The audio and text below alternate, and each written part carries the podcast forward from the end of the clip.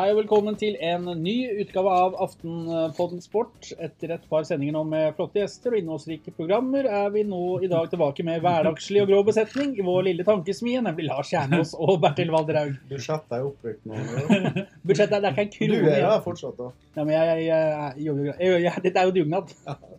Fjerderekka ved, ved droppepunktet nå. Etter at første, annen og tredje rekke har skåra, så har vi én oppgave. Det er å holde nullen, holde tett.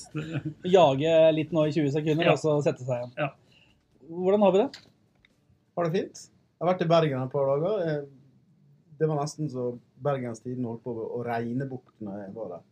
Det blåste og regna oppover. Det var helt vilt. Jeg måtte kjøpe regnjakke, selvfølgelig. Jeg glemte jo å ta med meg den. Du reiser ikke til Bergen uten regnjakke. Nei, det er jo Skandal. fryktelig utenært. Lars, dette veit jo du litt om. Du, du har vel kun eh, sånn, hva heter det, ikke solhatt, men sånn Hva heter det der eh, Hva heter det greiene på hodet? Sydvest. Sydvest, ja. Solhatt. Solhatt og sydvest, det tror jeg sliter litt hvis du blander. Det, Altså, jeg, brukte paraply, og den vrengte seg. Altså, det var helt vilt. Ah, Kjernås, åssen er det? Kjernås er det ålreit med, vet du. Ja, Ja. du er stødig. Selv om våre kjære lyttere nå da må plages med dere to igjen, så betyr ikke det at det nødvendigvis blir ei dårlig sending. eh, For det har vært noen innholdsrike dager, og det er noen innholdsrike dager i vente. Men jeg syns vi, må starte med det siste. Eh, For ikke lenge siden så ble Norges landslagstropp til VM-kvalikkampene mot Aserbajdsjan og San Marino tatt ut. Landslagssjef Per-Mathias Høgmo eh, går inn i en veldig viktig og spennende høst. Eh, Så i hvert fall viktig, da. Spennende blir det jo ikke nå lenger, men eh, skal vi si om uttaket? Det første som slo meg, det var jo egentlig at vi har en tropp med bare eh, representanter fra én norsk klubb. Tre spillere fra Rosenborg, resten spiller i utlandet. Det forteller vel egentlig om status i Tippeligaen. Eller forteller at vi har sykt mye bra proffer nå? Nei, det er, jo, det er jo akkurat det som Det gjør det ikke, da. Akkurat. Nei, men det er, det er jo Det var feil, helt middels i utlandet. Ja. Mange benkeslitere. Og så fikk vi tilbake Tarek, som har hatt en bra start i Olympiakos. Mhm. Martin Ødegaard var ikke der. Det er vel kanskje det mest det, Jeg tenker på Martin Ødegaard tok Fotball-Norge med storm for to år siden. Herja i Tippeligaen for Strømsgodset og spilte bra som 15-åring på A-landslaget. To år etterpå så er ikke han på landslaget og spiller i Castilla. Så, så kan man begynne å si hva har skjedd med utviklingen hans på de to åra? Det er jo betimelig spørsmål å sende over til han som bør ha forutsetninger. Ja, men da må jeg bare, altså, bare kjapt innpå der, fordi det er jo interessant. Eh, I fjor eh, så var han jo sentral på det norske landslaget og spilte jo. Eh, da var det åpenbart mer enn godt nok å være i Real Madrid og spille Castilla og trene med A-laget. Det er nå helt sjanseløst, eh, så derfor er han ikke med. Pussig, eller? Ja, jeg syns det er rart. eh, av, Takk. av to grunner. Det ene er det at han var god nok i fjor og var god nok for to år siden, ikke god nok nå. fordi jeg har sett noen av matchene hans i Castilla den siste tida, og han, er helt klart, etter min mening, bedre enn han var både i fjor og for to år siden. Så jeg syns det er rart han ikke er med. Og i tillegg til det, så, så er det jo de to motstandere vi spiller mot. Altså, det, det er to lag som eh, vi kommer til å styre mye mot. Spesielt San Marino syns jeg er helt sjanseløst å ikke ha med en, en spiller som har de egenskapene Martin tross alt eh, har. Skulle det nå mot alle formodninger låse seg på en eller annen måte mot San Marino, så må jo det være kampen hvor du matcher da en 17-åring. Jeg skjønner at han ikke spilte mot Tyskland, men jeg skjønner ikke at han ikke er med mot Aserbajdsjan og San Marino. Det, det forsto jeg ikke, rett og slett. Det er rett og slett blitt sånn at de er usikre på San Marino hjemme. Ja. Ja, man skal aldri undervurdere dem. Det er ikke- det er man sier. Advare mot alle motstandere. Internasjonal fotball er blitt veldig jevn. Problemet her er jo at alle vi tre kunne tatt ut en tropp på 22 spillere som hadde vært omtrent like god som den som er tatt ut. Det er det store problemet i norsk fotball. De, de hadde ikke vært noe særlig dårligere, men de hadde ikke vært noe særlig bedre. Vi har 40 nesten like gode spillere, men vi har altfor få topper. og Det er det landslaget vårt sliter med. Derfor er ikke det store spørsmålet mitt, i hvert fall før de to neste kampene, hvem som skal spille. Men hvordan vi skal spille, hvordan vi skal angripe de kampene, er det som blir avgjørende. fordi kunne bytta ut ni mann av de elleve som spilte mot Tyskland, og laget hadde omtrent akkurat vært like godt eller like dårlig. Uh, Ruben Yttergård Jensen, uh, Aftenbåten Sportfavoritten, er uh, tatt ut denne gangen da, i uh, opprinnelig tropp. Han pleier å komme inn eh, når det er forfall og starte, men nå, eller, eller få spilletid. Nå er han jo eh, inne fra start av. Eh, Det er ikke f.eks. Thomas Rogne, som eh, flere har etterlyst litt. Ola Kamara, som bøtter inn mål i eh, Major League Soccer, heter det vel. Han er ikke med. Er det fordi at eh, flyturen er for lang? Er billettene for dyre? Det er det nok eh, antagelig helt klart. Men nei, altså det, det eneste jeg kritiserer ved siden av Martin i den landslagstroppen, det er midtstoppere. Jeg hadde ville tatt med Gustav Walsvik og Thomas Rogne. Jeg syns det er eh, bedre midtstoppere enn i hvert fall Hovland, sånn som han har spilt det nå. Jeg har sett en del annen Bundesliga også. og Det er ingen tvil om at Walsvik har hatt en bedre høst enn Even Hovland. Og jeg syns fortsatt at Thomas Rogne er den beste norske midtstopperen vi har per i dag. Så de to savner jeg i landslagstroppen, og jeg mener at Martin burde vært med. Ellers har jeg ikke noe gærent å si om den troppen. Bertil, øh, syv spillere vraka fra tysklandstroppen. Eh, er ikke det litt mye? Nei, burde kanskje vært flere ut fra hva som presterte de to kampene der. Jo, men det er liksom folk her som på en måte ikke, heller ikke fikk eh, altså spilletid og sånn. Så Nei, men det forteller alt, egentlig. Fordi at Drillo, det var ikke ofte Drillo, da, for å bruke det for å gå tilbake i hinne og hårde dager. Folk som hører på, har vel ikke hørt om Drillo, men uh, det er jo ikke ofte han bytta ut sju spillere. Nei, men de pleide å vinne kamper under han. Nå, har, nå taper de. Altså det, det, å, å gjøre forandringer i troppen altså det, det, Så lenge de ikke presterer, så er det I fjor høst så var det stabilt. Da spilte de med omtrent samme lag hver eneste kamp og vant fotballkamper. Det er mye lettere for treneren nå. Jeg tror han er litt i villrede. Jeg kan ikke tenke meg at han har en plan for hvilke elleve spillere som skal starte nå. Og det Du kan egentlig ja, 17-18 mann. Jeg tror ikke det utgjør den store forskjellen på hvem som starter og hvem som sitter på benken. egentlig. Så eh, Var det, det, var det SMS fra deg, Kjernås? Det, det kan ha vært fra Høgmo, faktisk, som har reagert på, på det vi sa om Martin Ødegaard. Det, det er én mulighet. Den andre er at jeg rett og slett har glemt å skru av telefonen. Ja, det, det, det det er, vi er jo så rause, og takhøyden er jo stor her eh, i, i, denne, dette studio. Men eh, kan det være Høgmo som har reagert, selv om vi ikke da er liksom direkte på lufta? Jeg tror han har vært på et eh, kurs på, på Mindfulness. Han er rett og slett i forkant på hva vi kommer til å si om Martin Ødegaard. Lars Kjernås, da, som er en eh, hva skal vi si, en kjæledegger blant landets topptrenere, og får eh, stadig nye venner for sine kommentarer. Men vi, altså, vi må jo bare innrømme at vi er jo ikke så vanskelige. Altså, vi går fra nedtur til nedtur. Vi rister av oss skuffelsen og går på med krum nakke. Eh, Og selv om Norge ble unnspilt av Tyskland for snart eh, Ja, det er vel en måned, måned siden snart. Så venter nå tre poeng, og vi skal ha syv poeng Nei, tre kamper med syv poeng. Det blir sånn. mm. Ja.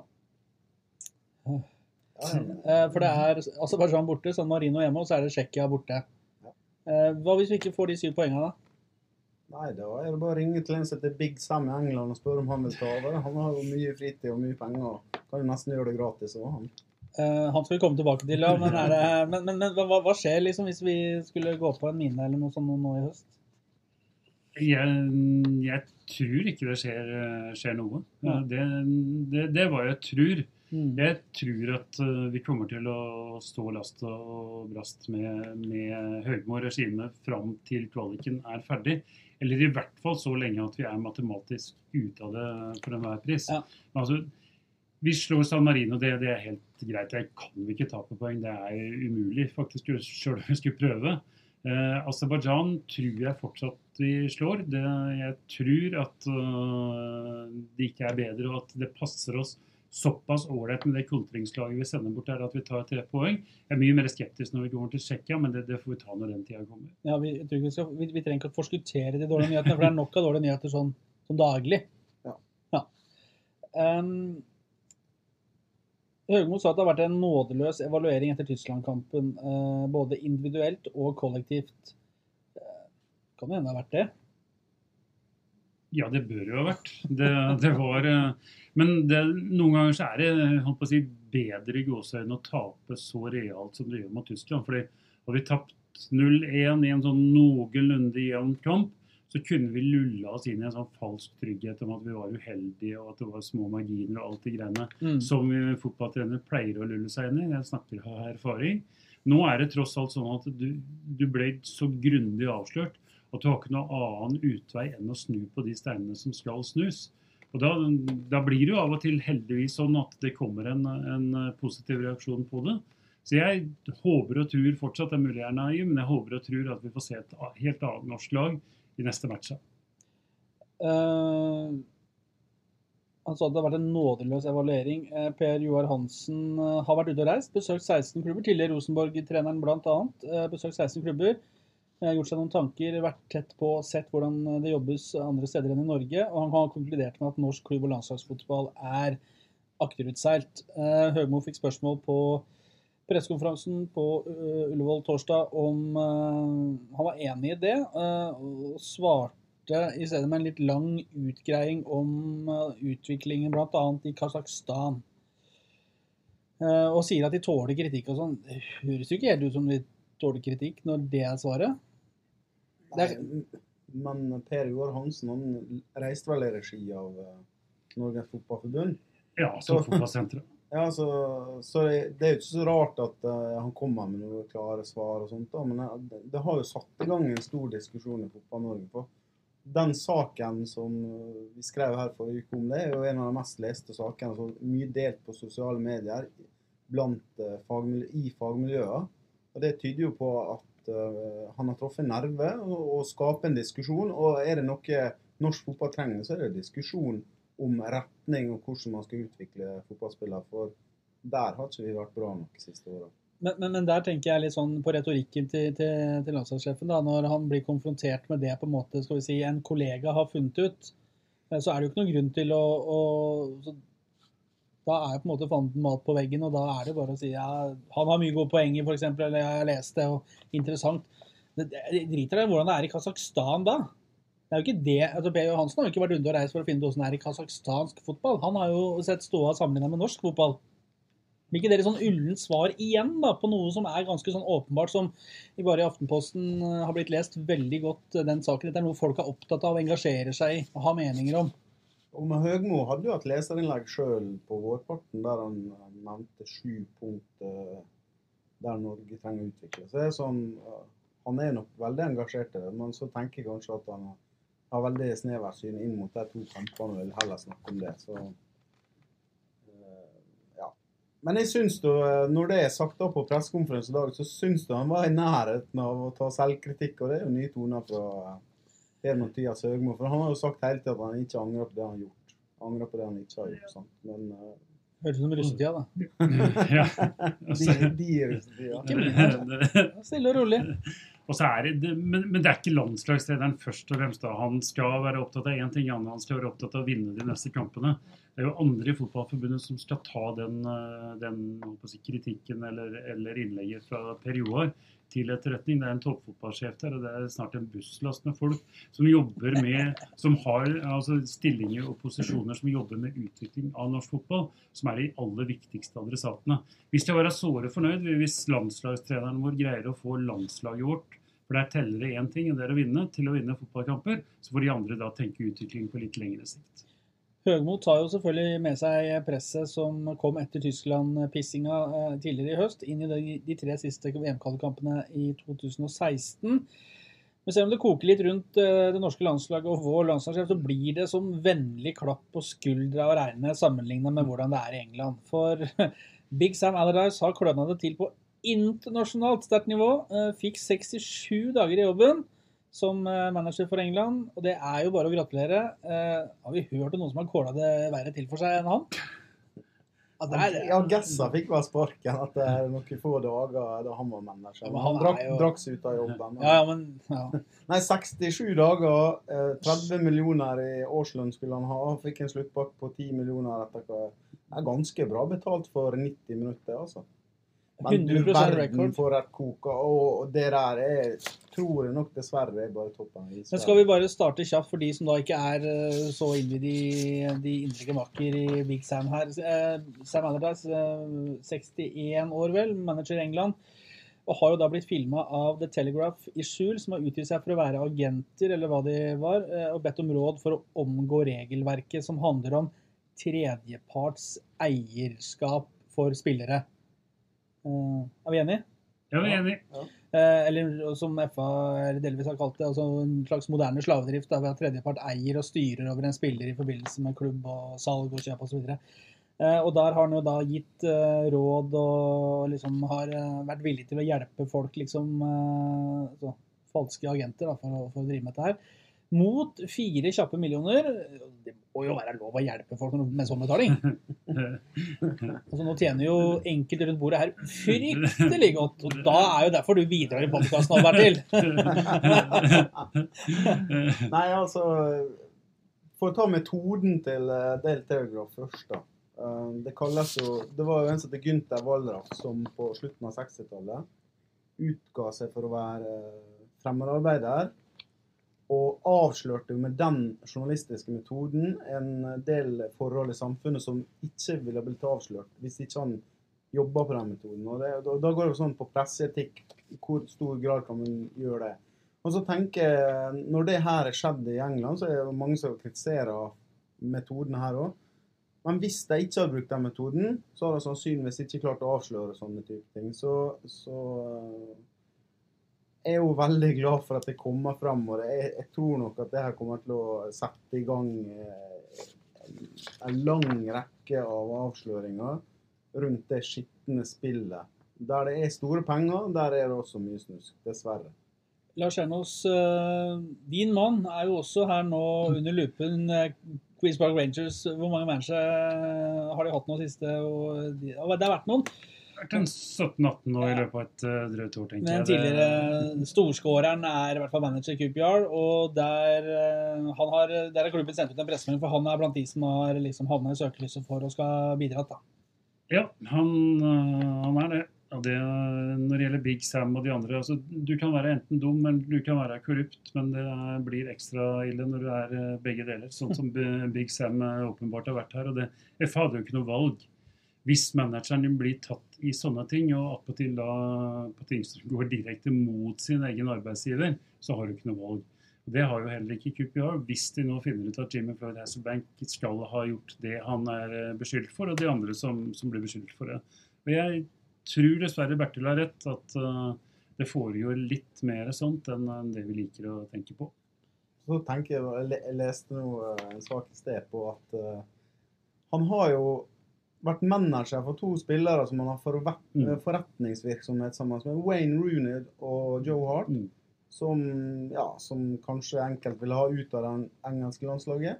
De eh, har jo et samarbeid da, med Sam Aldice i, i forretningsvirksomhet. da, da tenker jeg at bare så enkelt ting som det der kunne ha velta han som landslagssjef ta ut et lag med kompanjonger. sånt. Det er jo, Ja, Det er jo sjokkerende. Jeg leste, leste det samme. at Her må jo FA ha gjort en elendig research før du ansetter en manager da, som, som skal ta ut en kaptein og en keeper som du har personlige forbindelser til i, i jeg håper å si forretningslivet. Det er, det er jo helt uhørt. Ja. Så hvor, hvor har FA vært hen når de har ansatt fyren? Altså, de kan ikke ha gjort jobben sin enkelt, enkelt og greit. Det er, det er merkelig.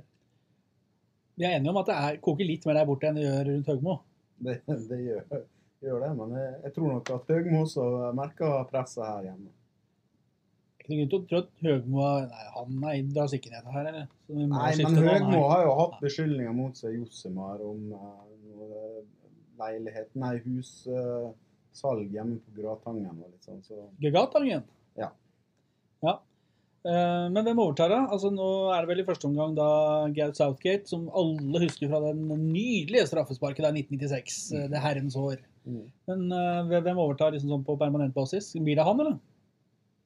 Det kommer an på hvordan han gjør det.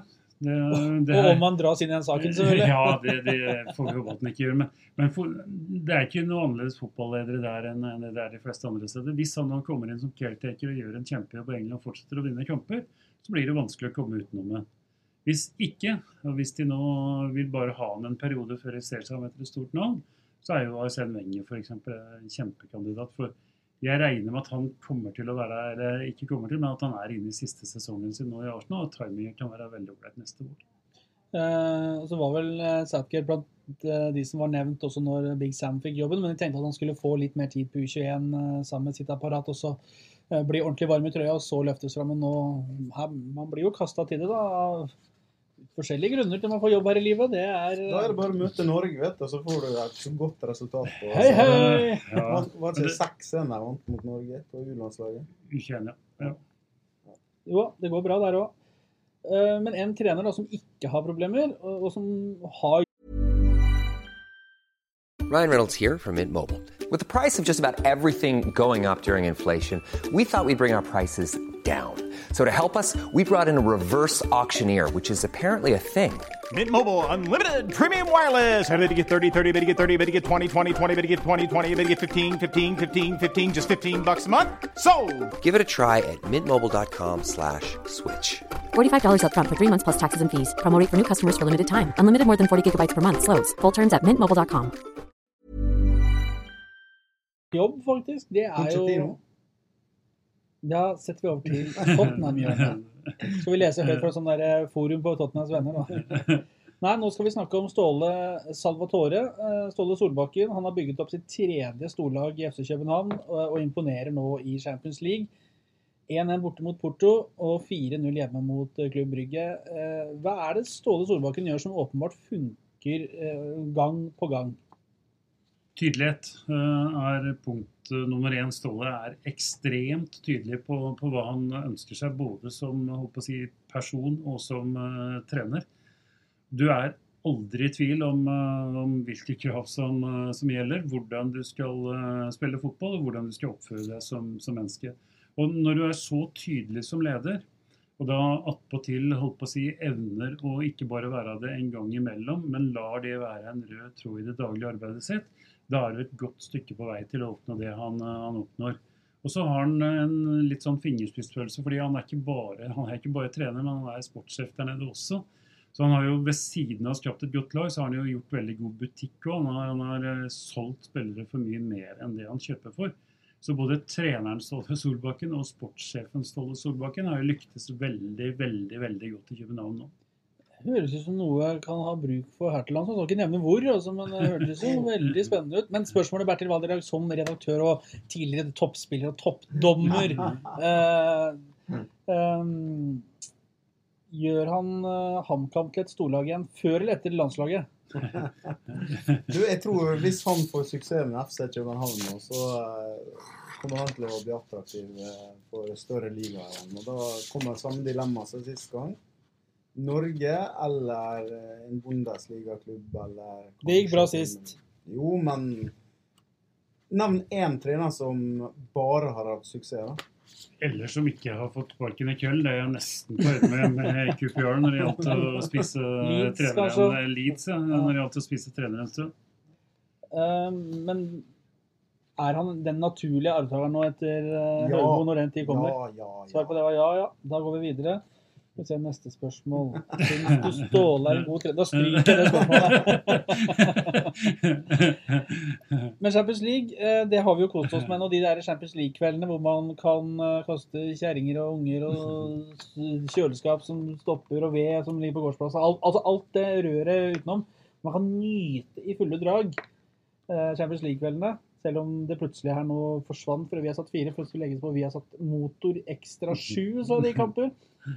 Champions League-kveldene er deilige, og for en fotball som spilles med Atletico eh, Madrid eh, mot Bayern München, eh, som avslutta runden av onsdag, onsdag kveld. Herregud, for noen fotballkamper. Det går så utrolig fort. Selv når du sitter og ser på, på TV-en, hvor, hvor du ikke får den følelsen bestandig. Som du har når du sitter spesielt langt nede på en stadion, så ser du virkelig hvor fort det går på, på toppnivå. Men også der, når du sitter foran TV-en, så ser du virkelig den intensiteten og hvor fort det spillet går. Så vi har et stykke opp, ja, men det er eh, utrolig deilig å sitte og se på. Det er eh, Selv på sånn treg sånn modem-oppkobling så går det fort. Bøfringa, ser du det det heter. Bøfringa, det er morsomt. Da kan du kjøre de gamle konkurransene som var i gamle shoot og goal i gamle engelske fotballbladene. Hvor blir det av ballen? Ja. Da kan du lage da, vet du, Kjetil, det, det er forslag til litt sånn selskapslek. Du kan lage sju alternativer. 1, 2, 3, 4, 5, 6, 7. Her ender ballen. Ja. Så kan du sitte og løse det når, når det henger seg opp hos deg. Det er mye, mye moro du kan gjøre av sånne ting også. shoot og goal, altså det var fast inventar eh, hver lørdag eh, på formiddagen. Ned på Maxi Storsenter i Hamar. eh, Kjøpe shoot og goal, dure hjem og se på Premier League på TV 2. Ah, ja. Med Ernst Lesen og Svein Mathisen som kommentator. Mens Lars og jeg så er litt eldre, vi satt og hørte på BBC Radio. Det Det skulle, vi. skulle være så fint, da. Og da kom Shoot and Goal på tirsdagene, faktisk. Og det eneste som hadde det i Oslo, da var Hovednarvesen. Så da ble det 31-bussen ned til byen og, og tilbake igjen for å handle shoot og goal. Ja. Eller kjøtt og sot, som uh, vi sa da vi begynte å ikke kunne uttale det. Ja, og så var det jo alltid deilig, for det var jo alltid en del plakater inni der, så man kunne jo bare begynne samlinga. Så Så lærte du engelsk? Sporty bilder, husker du det? Sporty bilder, ja. Ja, ja. Det er jo, ja. Men du lærte jo engelsk, ja. Altså, Shoot the goal lærte du engelsk, ja. Ja, ja. Hvis du så at det var en back på QPR som hadde strained his calf, så måtte du jo skjønne altså Du måtte slå opp i en eller annen ordbok og finne ut at det var ei strekk i leggen. Altså. Mm.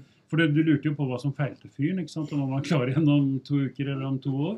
Så, så vi ble jo populære hos engelsklærerne av de der bladene. De har redda mange dem i løpet av ungdomstida. Redda fryktelig med stiler. Og det var ikke en ting som ikke kunne dras over på Nei. fotball og ordforrådet. Du hadde et fryktelig ordforråd på fotball. Klarte ikke å si hva du het og hvor gammel du var, men du kunne begrunne formasjonsvalg. Det var ikke noe problem. Nå er det Fifa 17 og World of Warcraft og sånne ting. Veldig. Der ungdommen får uh, teste engelsken sin der isteden.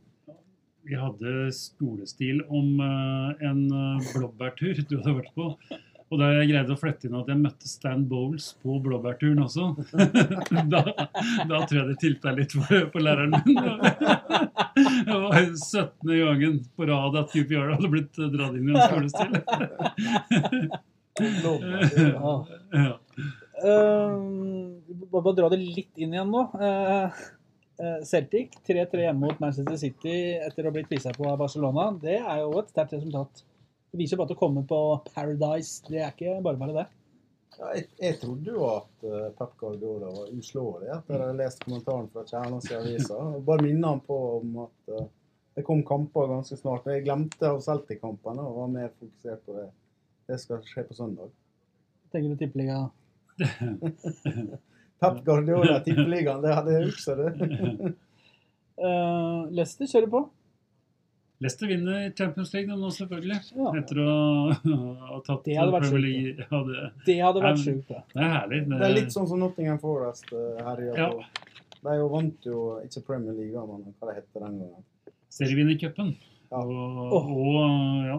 Husk meg bare, Dette er en digresjon. For noen år siden så hadde de jo det her eh, som rulla og gikk på NRK2 og sånn. det der, eh, Hva heter det for noe? Som Ja. du kunne stemme på. Så Ja. Forest og E. ja. Ja. Er det, er, det Rune, er det Rune Haug som lagde den? ja Han som er sportssjef Ja, ja, nå? Mm. Tidligere sportssjef i NRK. Mm. Er han ikke det lenger? Nei, han slutta. Han slutta?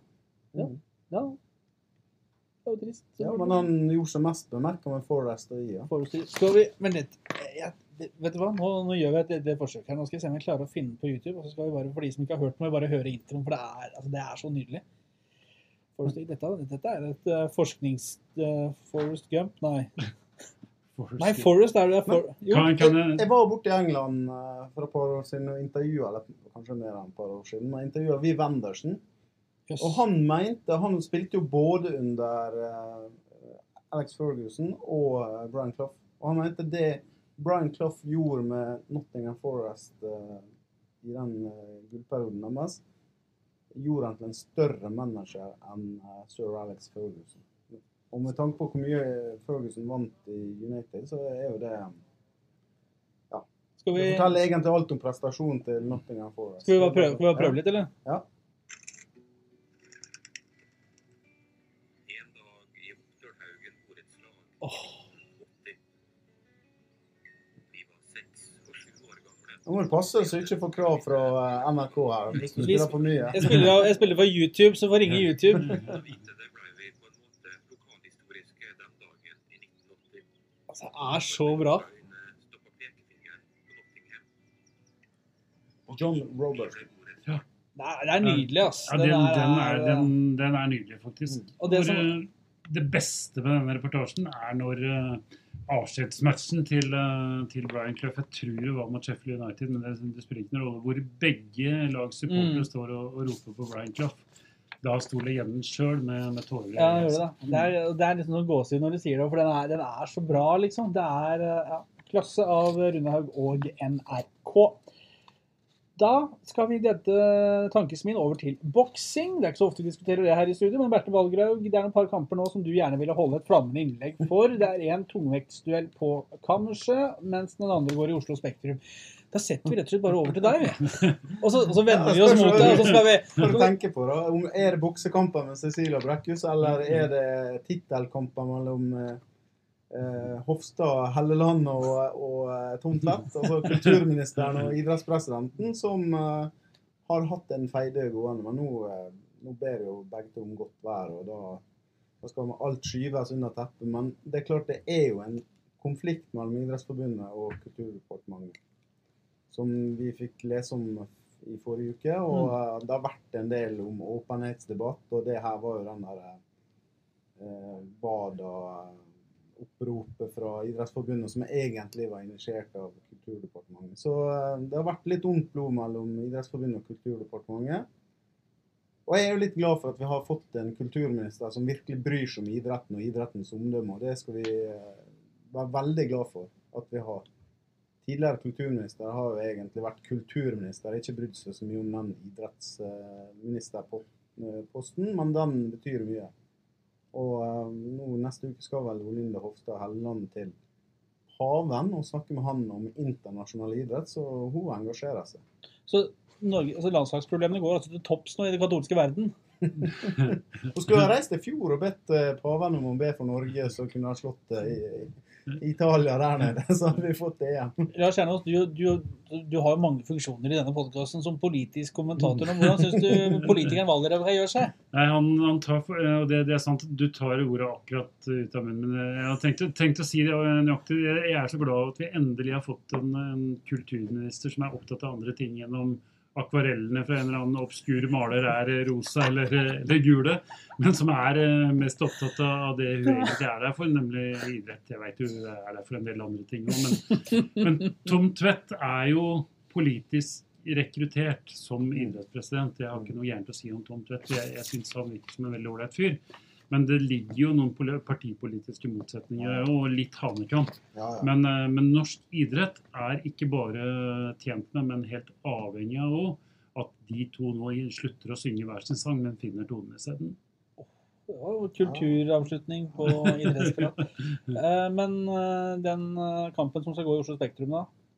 She's coming home. Ja, The Great Homecoming. Nei, det er eh, veldig artig at Cecilia Brekkhus endelig får lov til å bokse på hjemmebane. Hun er jo en av de største norske idrettsprofilene, og det viser jo alle leserundersøkelser. Vi har hver gang, hvis vi skriver om henne, intervjuer henne, så er det noe folk vil ha. De, eh, de vil lese om henne, og uh, vi har satt eh, driver jo og, og låser kampene hennes, og du må kjøpe ticket og sånt. Og grunnen til at jeg gjør det, er jo fordi at folk er villige til å betale for det. Og hun fyller jo nesten Spektrum, og det, det er vel bare hun og Markus og Martinus som får. Så. Og akkurat der er det ingen tvil om hva vi hadde gått for å se. Nei, Nei, jeg har ikke noe valg, så har det datter på ni. Hun elsker å reise. Ja, men Det går an å gjøre jobben i oppdragelsen, så slipper du å høre på det Hun gnålet ville der. se Cecilia Brekkhus og hun. Ja, da er det bare å kjøpe billetter, men det er kanskje aldersgrense på sånn? På slåssing? Ja, jeg vet ikke. Jeg som koster fordi det- er for seint på lørdag. koster 2490 kroner. Det, det er jo en, eh, en liten utgift, eh, det òg. Hva er det du at det koster? 2490 kroner kosta de billettene som er igjen nå. Det, Mm. er no, I dag tidlig sjekka det. eh, Det var noen få billetter igjen. De kosta altså en nettepris av 2500 kroner stykket. Ja. Men det er vel omtrent det samme som de skal ha for eh, Jeg skal dra og se Chelsea-Tottenham i slutten av november. Det er vel omtrent samme pris.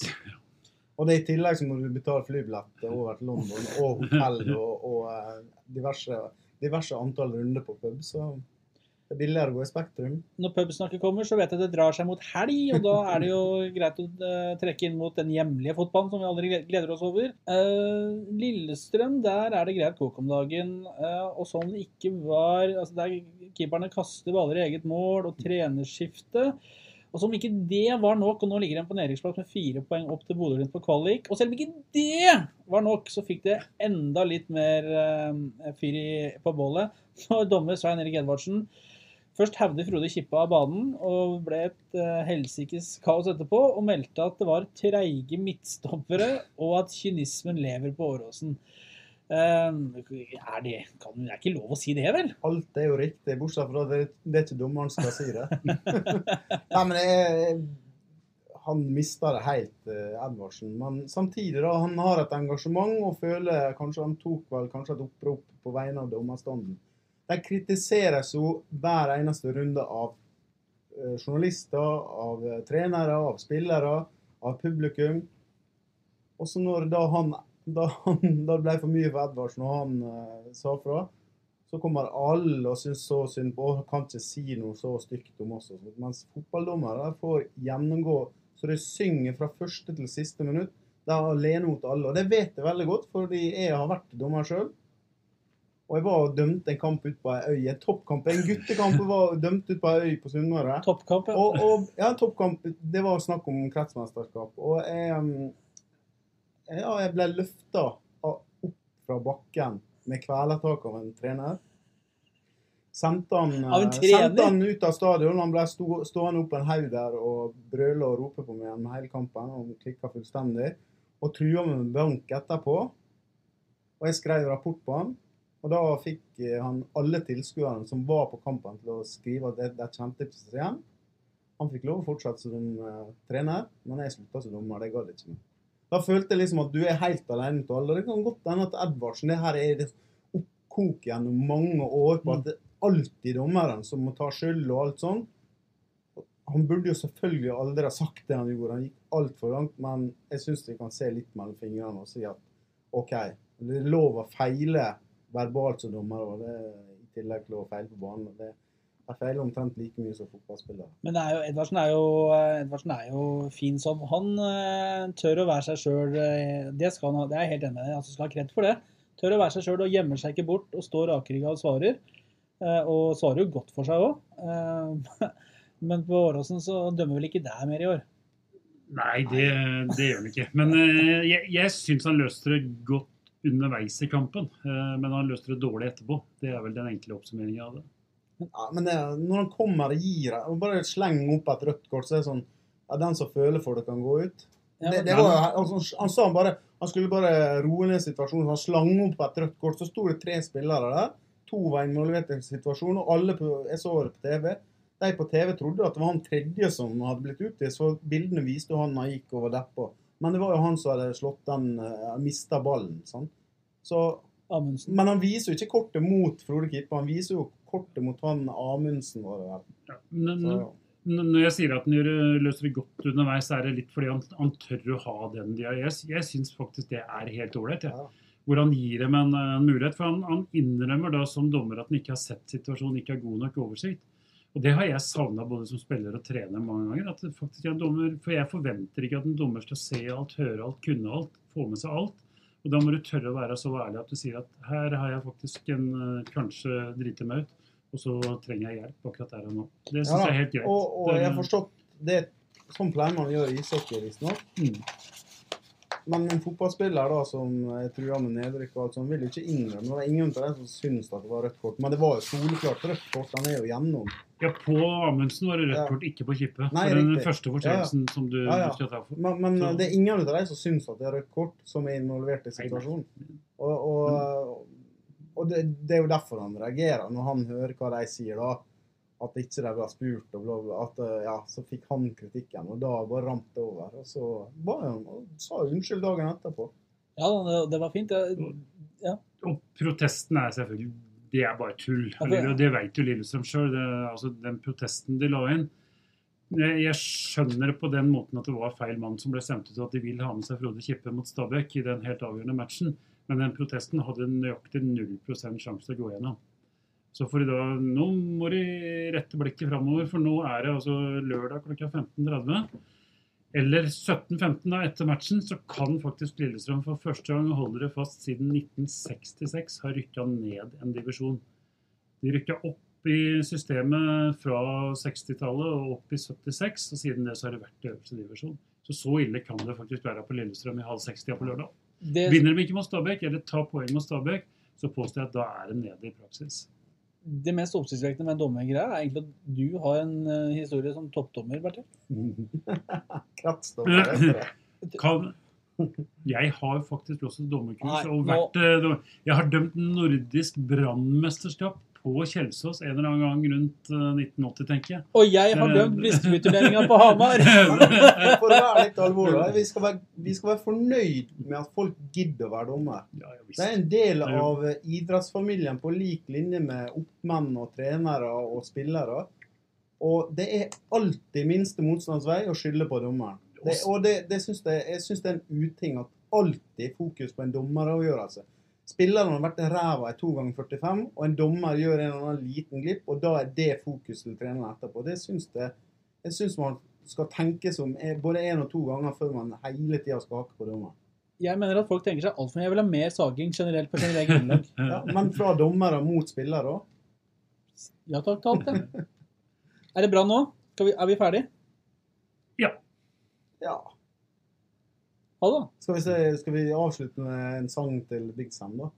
'Always Look on the Bright Side of Life'.